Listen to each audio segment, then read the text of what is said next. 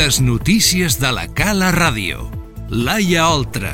Totes les fortificacions de l'Ametlla de Mar es catalogaran. La portada. La regidoria de Cultura ha començat un treball de camp per elaborar una memòria de tots els búnquers, trinxeres o nius de metralladora que hi ha per la costa, tant en domini públic com en finques privades. L'objectiu és donar a conèixer aquest valuós patrimoni de la Guerra Civil.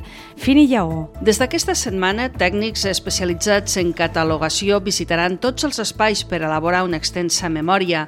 En aquest catàleg s'inclourà la bateria de costa de Port Olivet i el búnquer de Sant Jordi, però també altres fortificacions menys populars. El regidor de Cultura, Vicent Lleó, comenta que la voluntat és donar a conèixer aquest patrimoni. Són vàries i extenses, eh? i de diferents maneres i algunes úniques al, al litoral català. Moltíssima gent que passa molts cops pel GR92 a vegades passa pel, pel costat i no sap que allà baix, al costat o en un lateral, tenim un, una fortificació, un búnquer, un niu de metralladores, una trinxera, i creiem que, que això és important de preservar, no? Vull dir, moltes estan en bones condicions encara, algunes, desafortunadament, estan dins de finques privades i, la, i la, fet de, primer, de catalogar totes aquestes eh, fortificacions i, i el fet de que donar-les a conèixer farà que l'OGR, el 92, encara sigui una mica més atractiu del que és ja.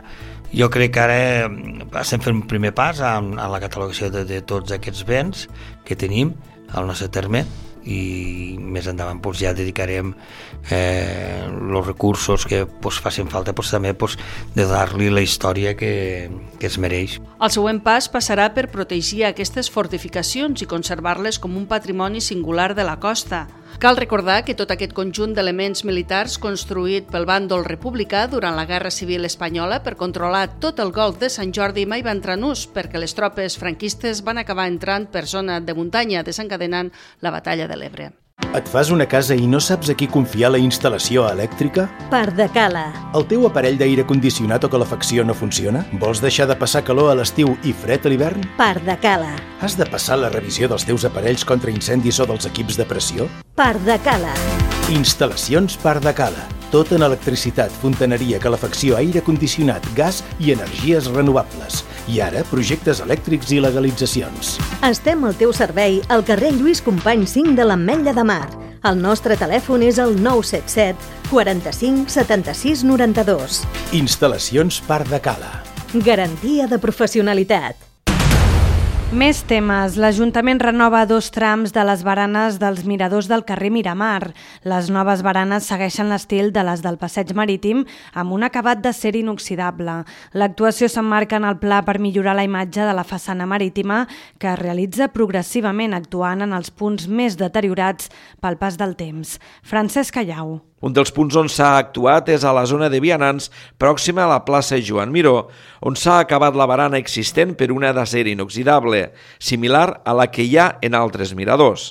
L'altre punt és la plaça de la Merat, on se substituirà tota la balustrada per una barana de les mateixes característiques. Jordi Gasani és l'alcalde de l'Ajuntament de la Mella de Mar. Carreret tan bonic, tan bonic del carrer Miramar, eh, que és el que lliga eh, doncs, tota la zona de, de, de la plaça Miró, plaça Joan Miró, eh, eh, doncs, que és aquell carreró que hi ha eh, doncs, dalt de la, de la Cova Llarga, Penseu que allà hi ha una timba considerable i també doncs, eh, el petit canvi que hem tingut que fer és que no hem pogut posar el model que fèiem a dalt de la barana de l'Alguer, on hi havia eh, on te pots assentar-te d'alguna forma, perquè també doncs, eh, pel tema de la seguretat eh, doncs, teníem que fer-ho d'una alguna altra manera.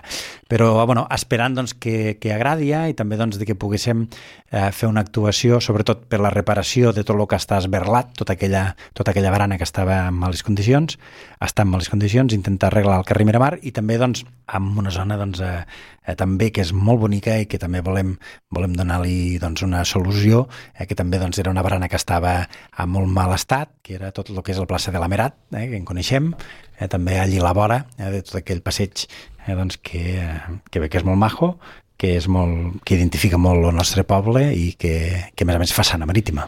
Aquesta actuació pretén continuar l'obra que ja s'ha finalitzat al Passeig Marítim, amb una renovació de tota la balustrada que unia les platges de l'Alguer i Pixabaques per una nova barana amb pedra placada i acer inoxidable més resistent al salnitre i a les condicions meteorològiques pròpies de la població.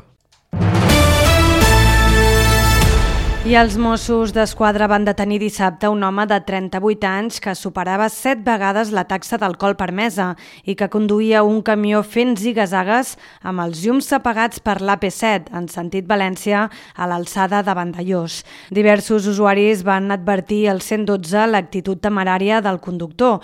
Una patrulla va localitzar el camió a l'Aldea quan circulava a uns 10 km per hora.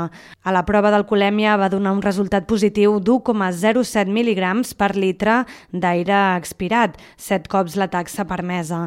Els Mossos van detenir el conductor de nacionalitat ucraïnesa com a presumpte autor d'un delicte contra la seguretat viària i conduir sota els efectes de l'alcohol.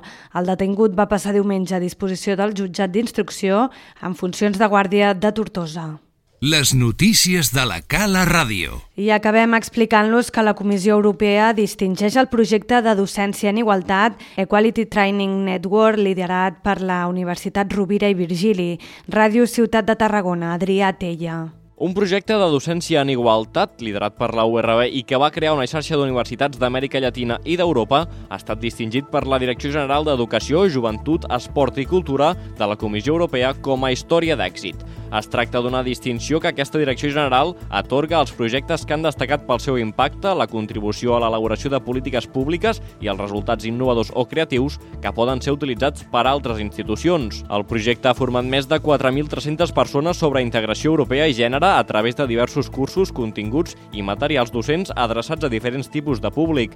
Les diferents activitats formatives han donat a conèixer l'experiència europea en la implementació de polítiques que promouen la ciutadania inclusiva i desenvolupen la igualtat efectiva entre els ciutadans de la Unió Europea i la difusió d'aquesta cap als països de l'Amèrica Llatina. La xarxa Jan Monet, Ginet, liderada per la URB i finançada pel programa Erasmus Plus, es va crear a partir de la idea que les universitats són un fòrum clau per implementar la integració de la perspectiva de gènere a través de l'educació i la formació dels futurs professionals. L'actualitat segueix a la cala rtb.cat.